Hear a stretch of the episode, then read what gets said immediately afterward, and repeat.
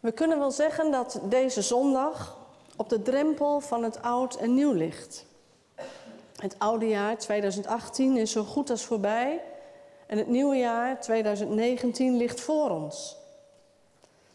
En we kijken achterom, soms als een afscheid naar alles wat is geweest en dat mogen we op de drempel van dat oud en nieuw in de hand van God leggen.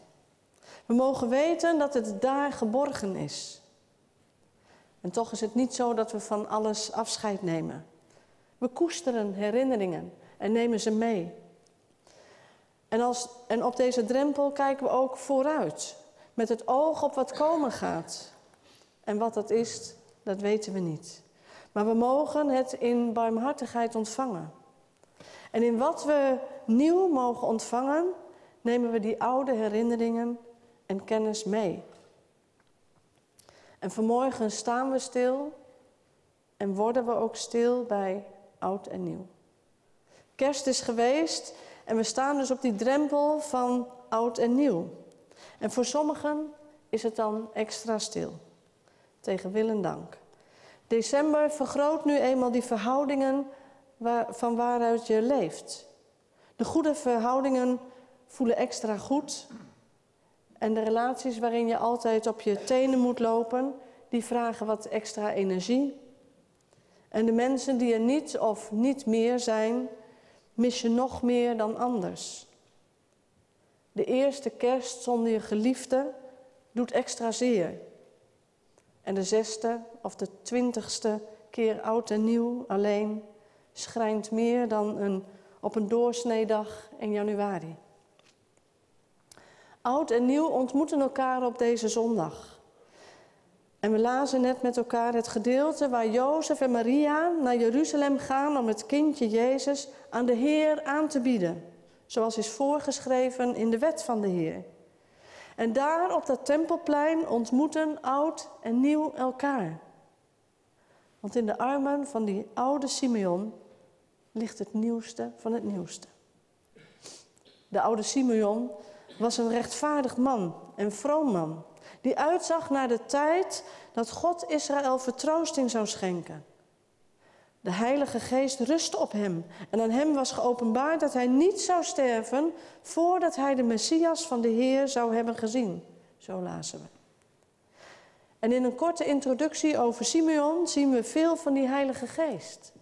Vol van de Geest wordt Simeon naar de tempel gestuurd, gedreven zelfs. Daar ontmoet hij Jozef en Maria met hun kind. En wat we lezen over die ontmoeting is eigenlijk wel opmerkelijk te noemen. Hij pakte het kind en nam het in zijn armen en hij loofde God met de woorden: Nu laat u, Heer, uw dienaar in vrede heen gaan, zoals u hebt beloofd. Want met eigen ogen heb ik de redding gezien die u bewerkt hebt ten overstaan van alle volken. Een licht dat geopenbaard wordt aan de heidenen en dat tot eer strekt van Israël, uw volk. Voor Jozef en Maria moet het een hele opmerkelijke begroeting zijn geweest. Ze waren zich er al van bewust dat hun kind niet zomaar een kind was, maar wat hun werkelijk te wachten stond met de komst van dit nieuwe leven, was waarschijnlijk nog een groot raadsel. En de woorden van deze oude Simeon, nu laat u Heer uw dienaar in vrede heen gaan zoals u hebt beloofd, zijn als begroeting wel heel bijzonder te noemen. En zoals iemand op zijn sterfbed kan wachten tot ook het laatste kind afscheid heeft genomen, zo is hiermee voor Simeon het leven voltooid. Heer, laat me nu maar in vrede heen gaan. Simeon zag uit naar de tijd dat God Israël zou vertroosten. Vertroosting en troost. Zo'n woord dat je extra voelt als het stil is. Bijvoorbeeld bij zo'n overgang van oud naar nieuw. Simeon is niet vol van zichzelf, maar hij is vol van de geest. Die erbij was vanaf het eerste begin. Die overzicht geeft over wat geweest is en ook wat komt. Die geest heeft Simeon verlicht. Hem laten weten dat hij de Messias van de Heer, Gods gezalfde, zou zien. En die geest die vult dat tempelplein met lof, profetie en verwachting. Jozef en Maria waren verbaasd over wat er over hem gezegd werd. En Simeon zegende hen. En hij zei toen tegen Maria: Weet wel dat velen in Israël door hem ten val zullen komen, of juist zullen opstaan. Hij zal een teken zijn dat betwist wordt. En zelf zult u als door een zwaard doorstoken worden. Zo zal de gezindheid van velen aan het licht komen. Hij vertelt hier eigenlijk dat Jezus een struikelblok zal zijn en dat velen door hem ten val zullen komen of juist zullen opstaan. En tegen Maria zelf zegt hij dat ze het niet makkelijk gaat krijgen. Ze zal zelfs als door een zwaard doorstoken worden. Niet echt vertroostende woorden. Maar in die profetie van Simeon zit ook het levensverhaal van Jezus. Op dat moment dat Simeon deze woorden sprak, komt Hanna naar hen toe. Hanna was een profetes. Ze was hoogbejaard. Een vrouw met een bijzonder levensverhaal. Na een kort huwelijk werd ze weduwe en koos ze ervoor om alleen te blijven en zich helemaal aan God te wijden. Ze was altijd in de tempel, waar ze God dag en nacht diende met vasten en bidden. En toen Hanna het kind ontmoette, bracht ze hulde aan God en sprak over het kind met allen die uitzagen naar die bevrijding van Jeruzalem. Ook hier weer een ontmoeting tussen oud en nieuw. De oude Simeon en de oude Hanna ontmoeten het nieuwe kind. Wat verwachtte Simeon en waar hoopte Hanna op? Simeon zag uit naar de tijd dat God Israël zou vertroosten. En Hanna sprak met allen die uitzagen naar die bevrijding van Jeruzalem. En waar dachten ze dan aan? Ze hebben bijna de, beiden die onrust rondom het koningschap in Israël meegemaakt. En die onderdrukking door het Romeinse leger. Is dit waarom Simeon vertroost moet worden? Moet Jeruzalem hiervan bevrijd worden? Van die Romeinen die de dienst uitmaken? De leerlingen van Jezus zullen het later ook aan hem vragen.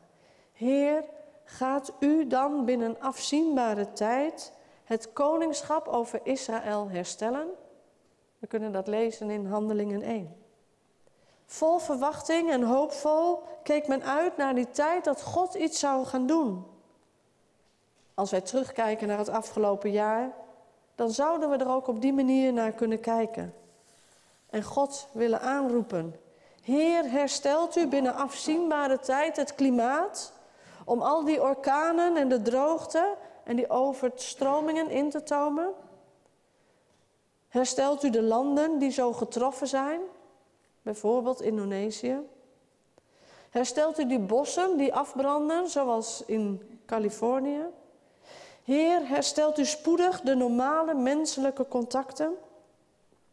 Terwijl we zelf zo vaak vastzitten in ons eigen wereldje en daar soms niet verder komen dan die oppervlakte. Heer, herstelt u de waarde van de waarheid om feit en verzinsel van elkaar te onderscheiden? Heer, herstelt u de kerk? Brengt u de eenheid en de liefde weer terug?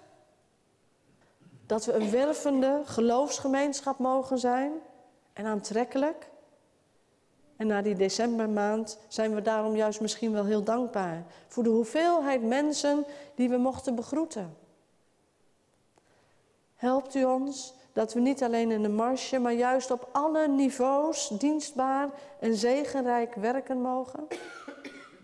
Of bid je juist om vertroosting en bevrijding voor al die vluchtelingen, asielzoekers, vredezoekers?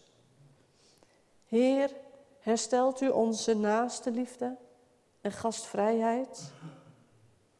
Of misschien vraagt u het wel heel persoonlijk. Heer, herstelt u mijn gezondheid? mijn financiële zekerheid, mijn relaties, mijn zelfbeeld. Heer, geeft u spoedig rust en vrede. Dit zijn in onze huidige tijd allemaal afgeleiden van die ene vraag van die leerlingen.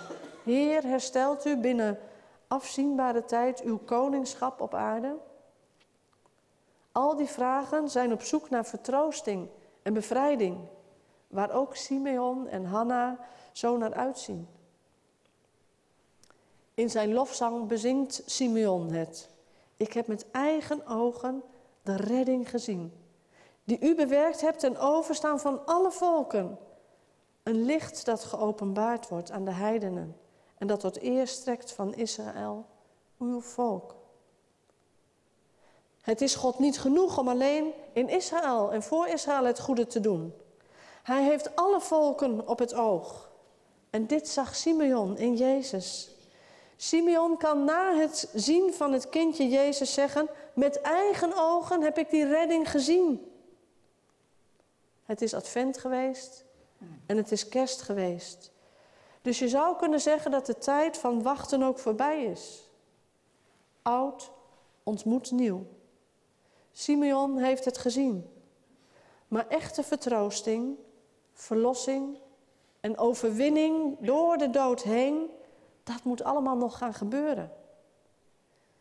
En Simeon wist het, dat hij nog niet alles heeft gezien. Dit was pas het begin. En dat kunnen we opmaken uit het 34ste vers, waar Simeon profeteert en tegen Maria over wat er nog komen gaat. Weet wel dat velen in Israël door hem ten val zullen komen, of juist zullen opstaan. Hij zal een teken zijn dat betwist wordt. En zelf zult u als door een zwaard doorstoken worden. Na een korte inleiding over Hanna lezen we eigenlijk maar één vers over wat zij doet. Ze kwam naar hen toe, bracht hulde aan God en sprak over het kind met allen die uitzagen naar de bevrijding van Jeruzalem. Ze komt naar Simeon die het kind in zijn handen heeft. En blijkbaar heeft ze gezien en gehoord wat Simeon zei. En dat hij had haar aandacht getrokken. En als antwoord wat zij van Gods verlossende daden zag en hoorde, loofde zij God. En ze bracht hem hulde. En niet alleen op dat moment. Maar ze sprak over het kind met allen die uitzagen naar die bevrijding van Jeruzalem. En nu heb ik een beetje zitten rekenen. De huwbare leeftijd van Joodse meisjes was 12, 13 jaar. En ze leefde zeven jaar met haar man en ze was al 84 jaar weduwe. Dus met een snelle rekensom kom ik uit op een leeftijd van ongeveer 104, dat Hanna was. Mooie leeftijd. En blijkbaar heeft ze door het zien van Jezus zoveel energie gekregen dat ze over hem gaat vertellen aan de mensen om haar heen. Over de Verlosser die bevrijding geeft. Hij is degene die Hanna aan andere mensen verbindt. Hij is degene die zelf altijd aanspreekbaar is. Hoe alleen je ook bent. Verder weg dan een gebed is hij nooit. Hanna werd op haar hoogbejaarde leeftijd ingeschakeld om door de ontmoeting met Jezus over Hem te gaan vertellen. En ook wij kunnen op onze beurt van belang zijn voor die ander die je misschien zelf nog niet eens kent en die Jezus nog niet kent. Door te vertellen over Jezus die bevrijding geeft. Toch blijft het bijzonder als ik dit gedeelte nog eens las. Oud ontmoet nieuw. Midden in deze feestmaand, en het lijkt erop dat Simeon het feest kon bederven met zijn profetie over wat komen gaat. Maar zijn blijdschap werd er niet minder om. Hij looft en hij prijst de Heer met zijn lofzang. En Hanna sluit daar heel mooi op aan met haar lofzang en de hulde aan God. Ze weten dat het lijden wacht en toch zijn ze onverminderd blij. Hoe komt dat? Dat is geen kunst en dat is ook geen techniek, maar dat is genade. Het is een vooruit weten dat de liefde alles zal overwinnen. Geloven in Jezus is erop vertrouwen dat Hij het allemaal ook echt zal afmaken. In de armen van de oude Simeon ligt het nieuwe begin. En ook al zien we hier alleen het begin, God doet wat Hij belooft.